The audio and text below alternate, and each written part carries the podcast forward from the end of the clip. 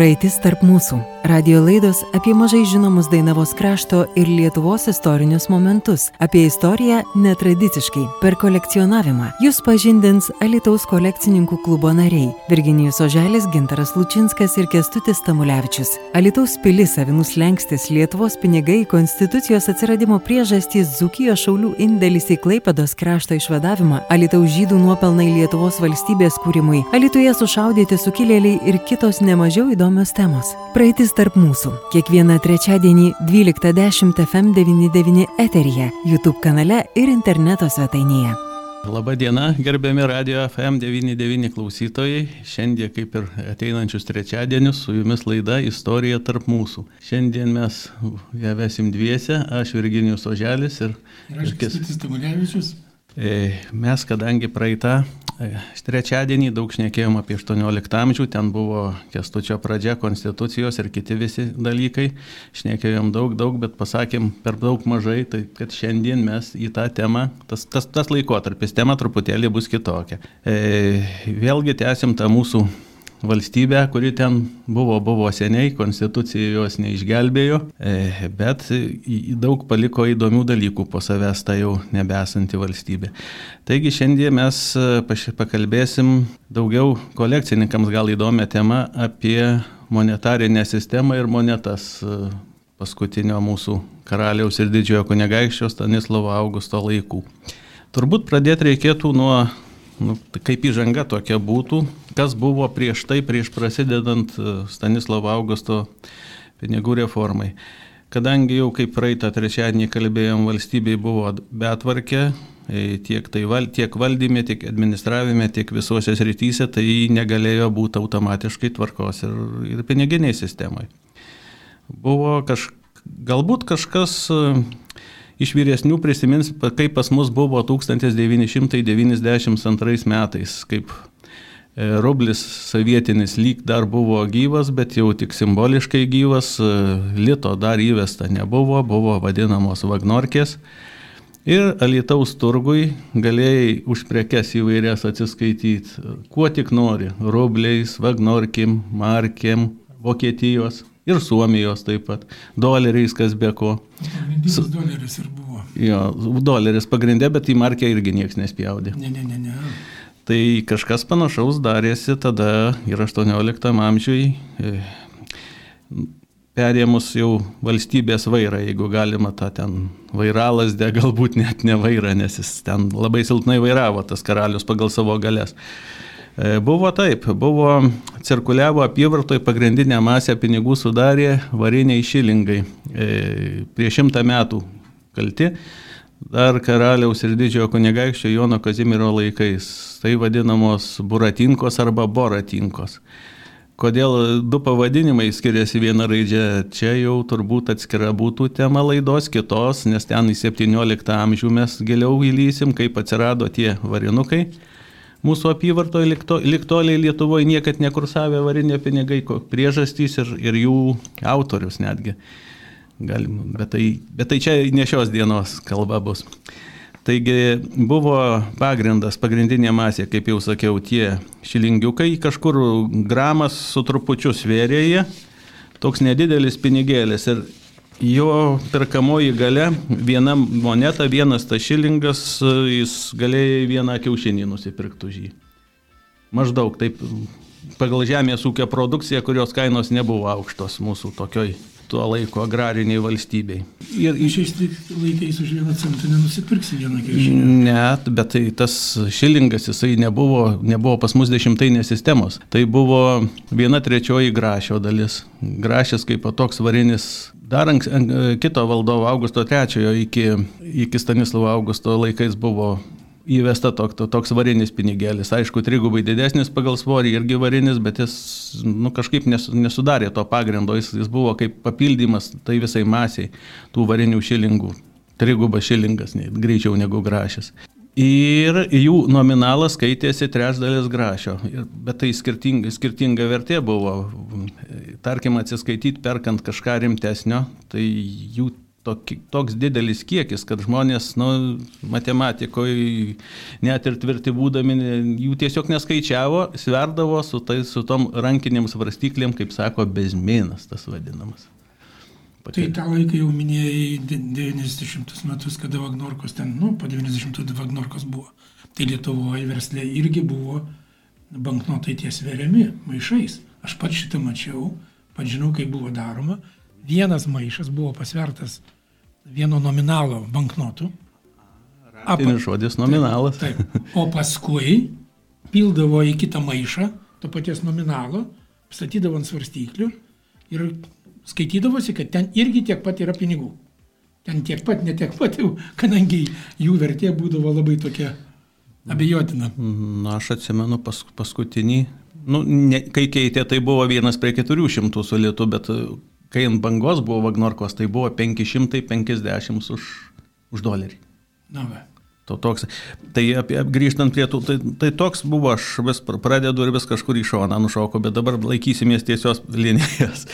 E, tai buvo apatinė, tai tas tas laiptelis, būtent tie varinukai, kurių baisi masė buvo ir jie daugiausiai naudojosi žemesnėje visuomenės sluoksniai, valstiečiai ten ir taip toliau ir kiti. Na, aišku, galėjo ten ir, ir didieji ponai didžiasias sumas mokėti būtent tokiais dėl neturėjimo kitų, tik tai jiems tas, nu, garbė neleido bajoriška. Bet jeigu kišenioje yra kas yra, tai ta garbė likdavo taip atidėta iki geresnių laikų.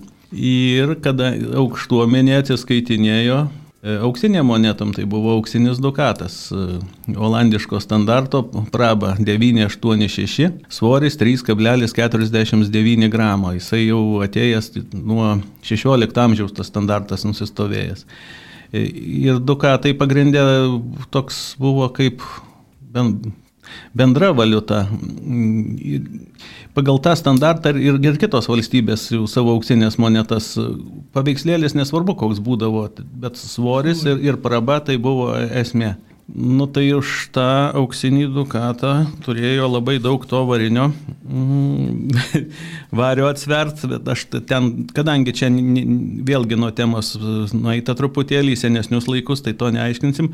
Nu ir tarpinis variantas užsijėmė sidabrinės monetos, kurios vėlgi buvo, jeigu dar nuo Jono Kazimiero laikų, prie kurio buvo variniai pinigai sugalvoti į apyvartą paleisti, tai tas sidabro buvo žemaprobės monetos, galima, nu kaip, sidabras vadinamas sidabru, kol jisai turi apie 50 procentų monetoje. Toliau prasideda vario sidabro lydinys ir jį vadina bilonu.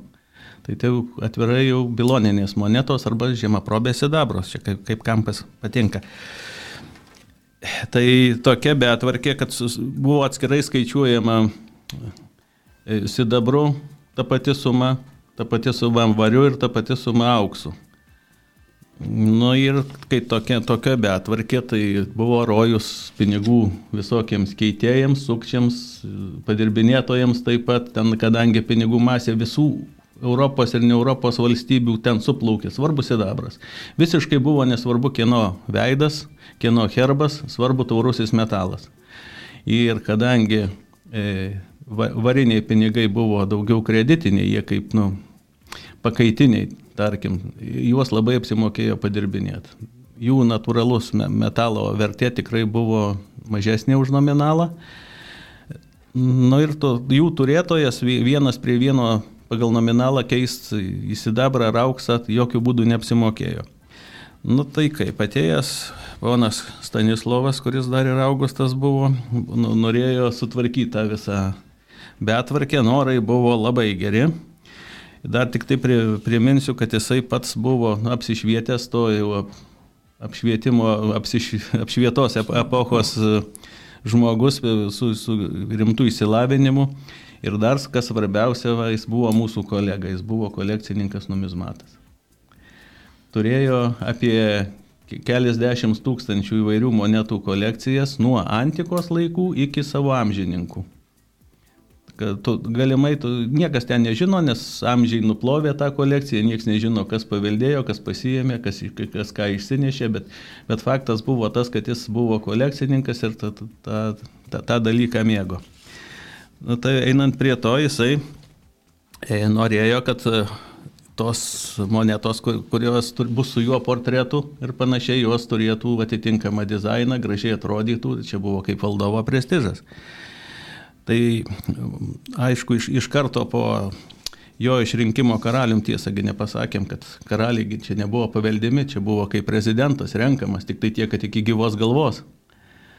Elekciniam Seimėjais, kaip jau minėjom, praeitą trečiadienį su savo buvusios draugės Jekaterinos karių parama, nes ten žodis nieko nereiškia, jeigu už prie Seimo durų stovi grenadierių kuopa, tai tada tie deputatai būna labai drausmingi ir balsuoja taip, kaip reikia.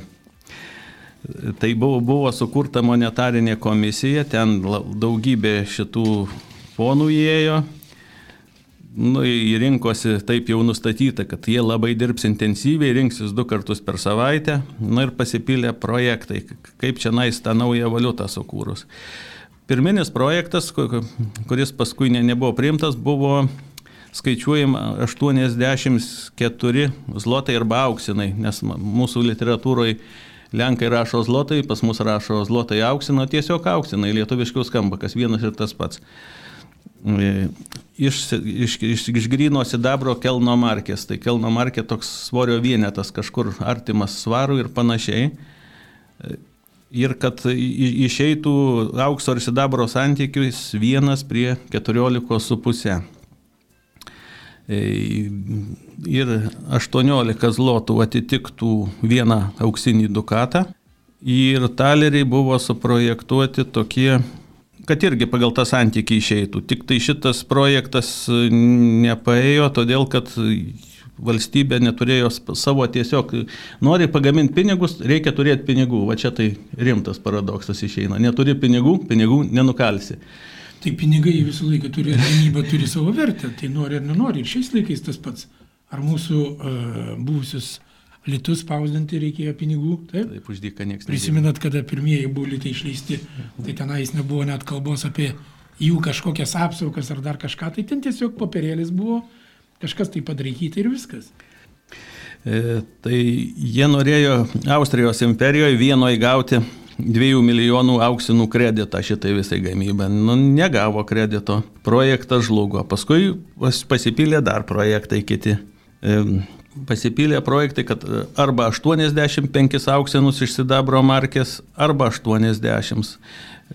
Įtikino vis tik tai karalių, kadangi jisai pats buvo paskelbęs, kad sako, kad valstybės ir mano prestižas yra turėti pinigus, aš naudos iš tų kalyklų turėti nenoriu. Nu, čia buvo ne reklama, jisgi pats buvo iš oligarchų, pats turėjo savo rimtų pinigų ir jis savo lėšom rėmė stipriai tų kalyklų, įrangos pirkimą, viską. Taip, kad, o, o šiaip normaliai valstybė turi iš pinigų tų kalyklos turėti pelną. Tik tai jeigu šitos jau ordinacijos užsakovas ir investitorius pats valdovas kaip asmuo toksai, tai jis turėjo gauti naudą arba valstybės išdas. Jis iš anksto pareiškė, kad savo asmeninės naudos nesiekia, pelnas eis valstybės finansų stabilizavimu, sutvarkymu ir išdo naudai. Nu, jis laikėsi savo to. Tai bet iš tų visų projektų, dar vienas buvo projektas 85, kaip sakiau, auksinų iš, iš, iš, iš Kelno markės, bet vėlgi nu, pas Saksonijos bankininkus kreipėsi kredito, nedavė. Paskui vienas iš tos komisijos narių atitinkamai išnekėjo karalių, kad reikia prestižiškiau bus padaryti didelius pinigus, brangius. Ir padarė tik 80 jau auksinų iš sidabro markės ir padarė talerį didžiulį 28,07 gramo svorio, praba 833. Nu, tai reiškia, kad buvo sidabras pervertintas, auksas nuvertintas. Tas ateityje tas parodė labai negerą dalyką, kad buvo toks dalykas, kad šalia buvo tokia ekonomiškai ir militariškai stipri valstybė kaip Rusijos karalystė. Ir tuo metu ją valdęs Friedrichas II buvo, kaip visi sako dabar vokiečiai, Friedrichas Didysis arba Senis Fricas, nes jis valdė 46 metus, nu tai spėjo pasentė valdydamas. tai jisai dar, dar buvo žymus tuo, kad jis falsifikavo monetas valstybiniu mastu. Gerai, kada jisai kariavo, tarkim, su Saksonija, užėmęs ten Leipcigo Dresdeno kalyklas, radęs anspaudus, štampus monetų gamybos, jis e, paimdavo žemesnės prabos ruošinius ir kaldavo monetas e, kito valdovo portretu, kito valdovo inicialais, kitos valstybės atsakomybė. Tai Adolfas lygiai tą patį darė su svarai sterlingu. Jis turėjo ruošinius ir buvo prispausdinęs tiek, kad jeigu jie būtų pakliuvę į apyvartą, tai Anglijos ekonomika būtų žlugusi. Tai čia nieko naujo. Čia etapiškai kartojasi. Tai Aišku, Friedrichas galbūt pirmas iš to toks agresyviai tą falsifikaciją, bet jis gal ne tiek, kad pakenkt tiem kaimynam, jis tiesiog labai jau... Iš godumo. Jis pats ne, nebuvo prabangos mėgėjas, jis gana kuklus buvo asmeniškai, bet jis viską kariuomeniai skyrė. Labai pas jį buvo tas militarizmas, kas, kas paskui atsipirko.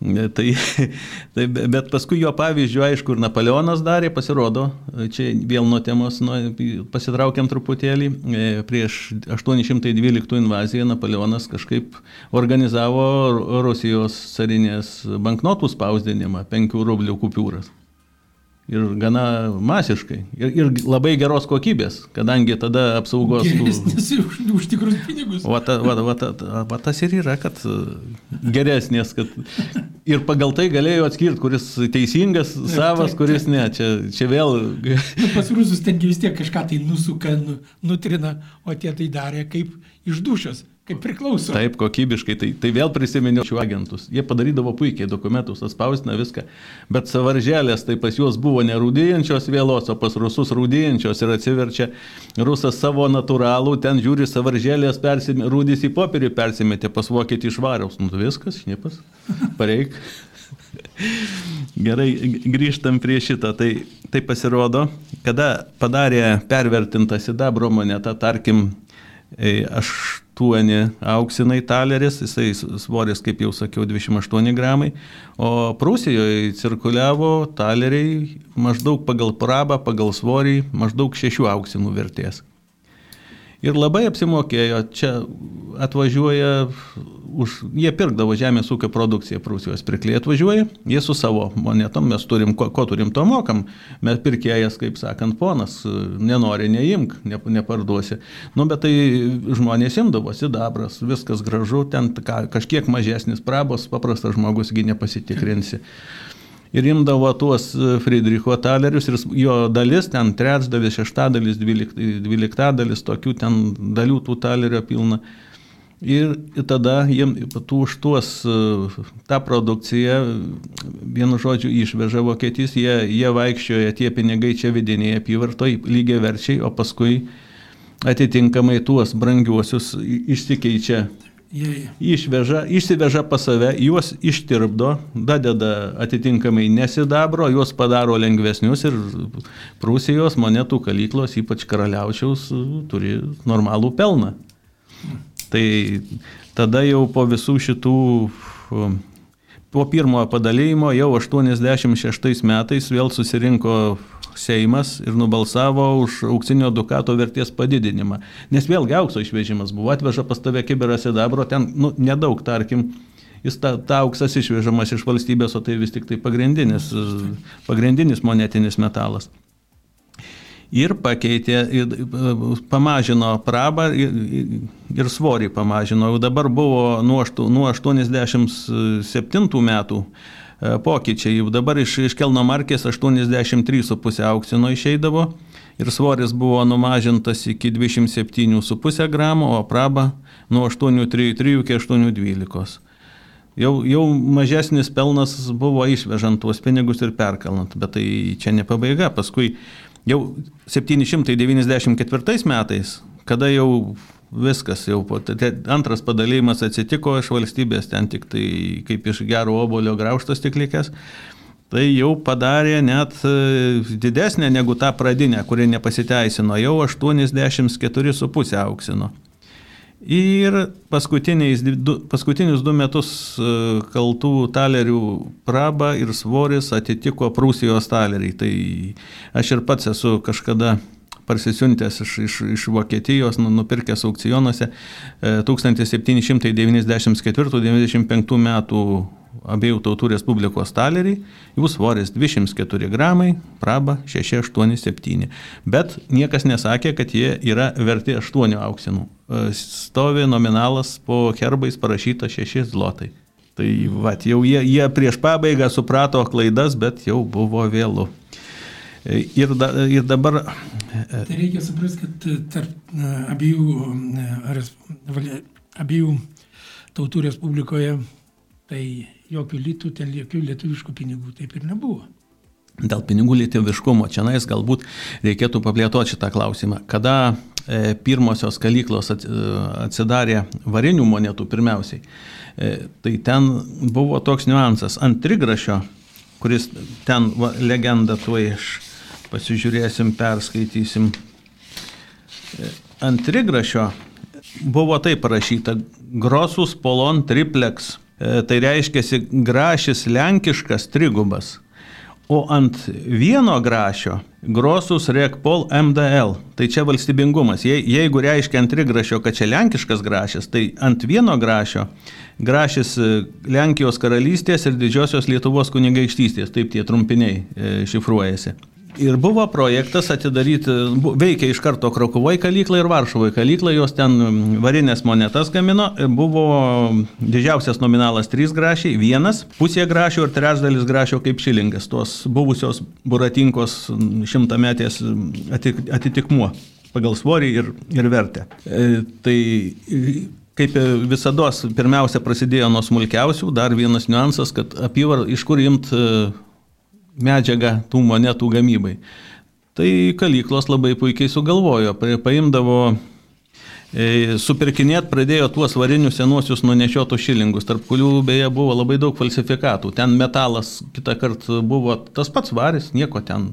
Tik tai ištampa nu, nukalė ne kalyklą, bet kažkoks privatus asmo, net užsieniai darė, Rumunijoje dabartiniai e, gamindavo dideliais kiekiais.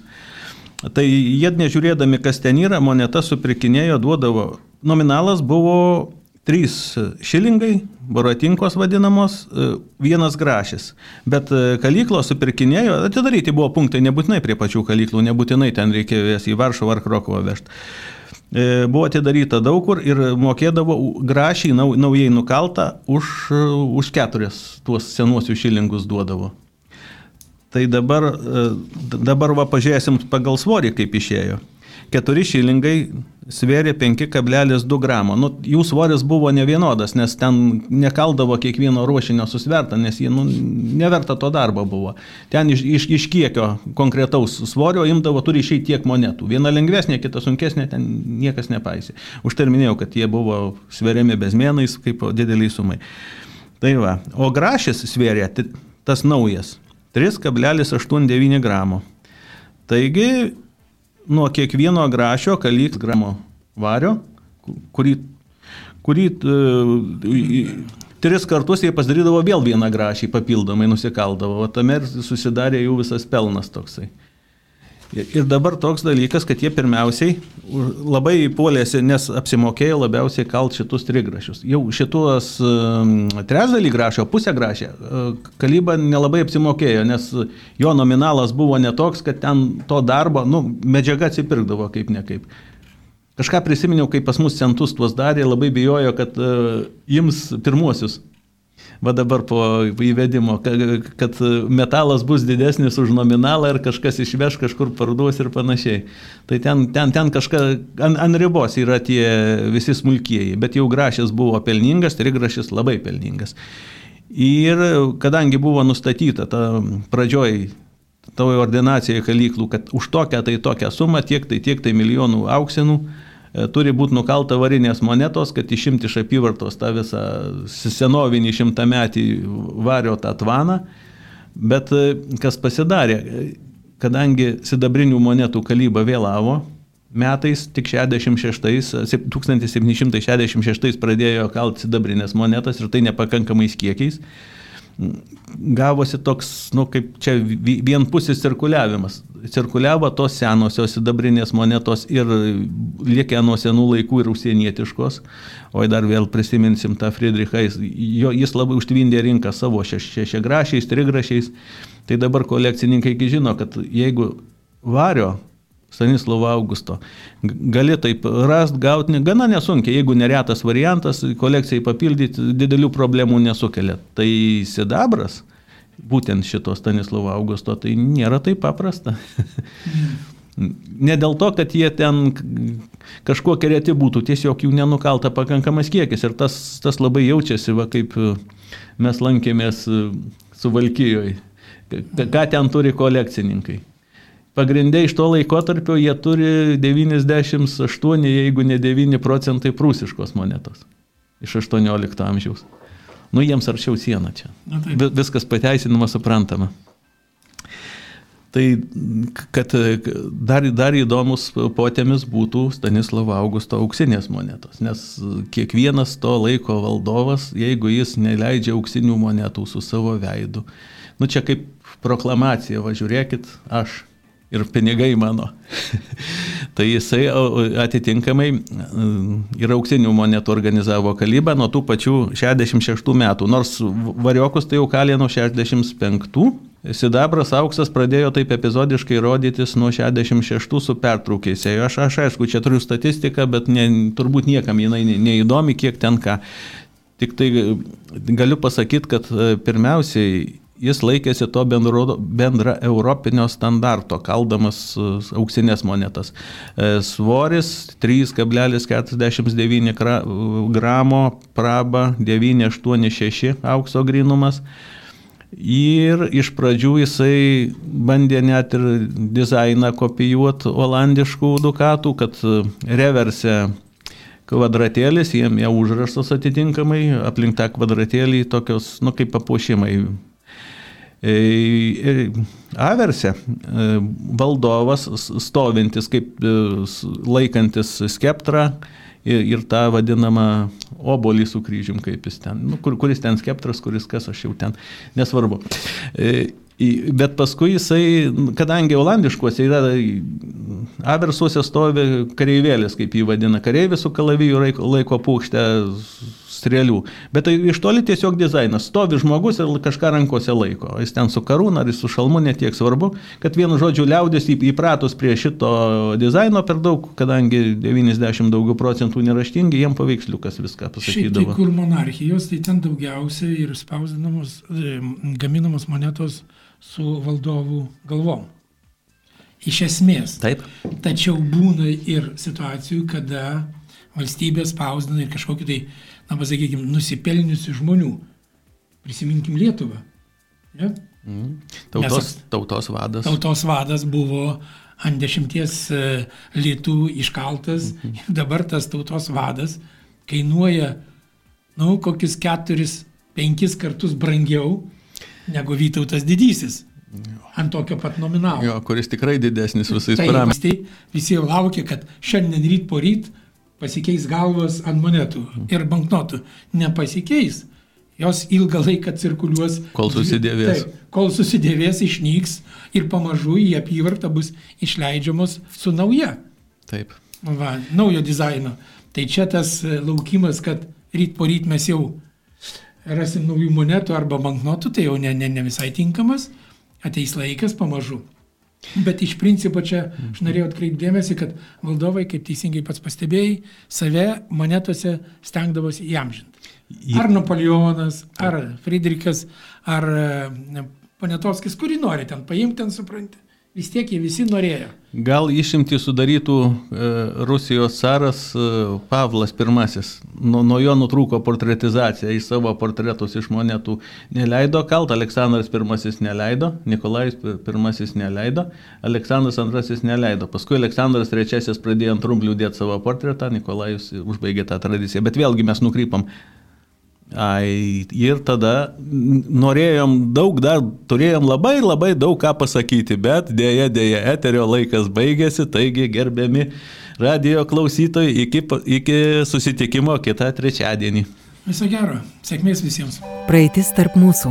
Radio laidos apie mažai žinomus Dainavos krašto ir Lietuvos istorinius momentus, apie istoriją netradiciškai, per kolekcionavimą. Jūs pažindins Alitaus kolekcininkų klubo nariai - Virginijus Oželis, Gintaras Lučinskas ir Kestutis Tamulevičius. Alitaus pilis, Avinus Lenkstis, Lietuvos pinigai, Konstitucijos atsiradimo priežastys, Zukijos šaulių indėlis į Klaipados krašto išvadavimą, Alitaus žydų nuopelnai Lietuvos valstybės kūrimui, Alituje sušaudyti sukilėliai ir kitos nemažiau įdomios temos. Praeitis tarp mūsų. Kiekvieną trečiadienį 12.10 FM99 eteryje, YouTube kanale ir interneto svetainėje. Projektą dalinai finansuoja Lietuvos kultūros taryba.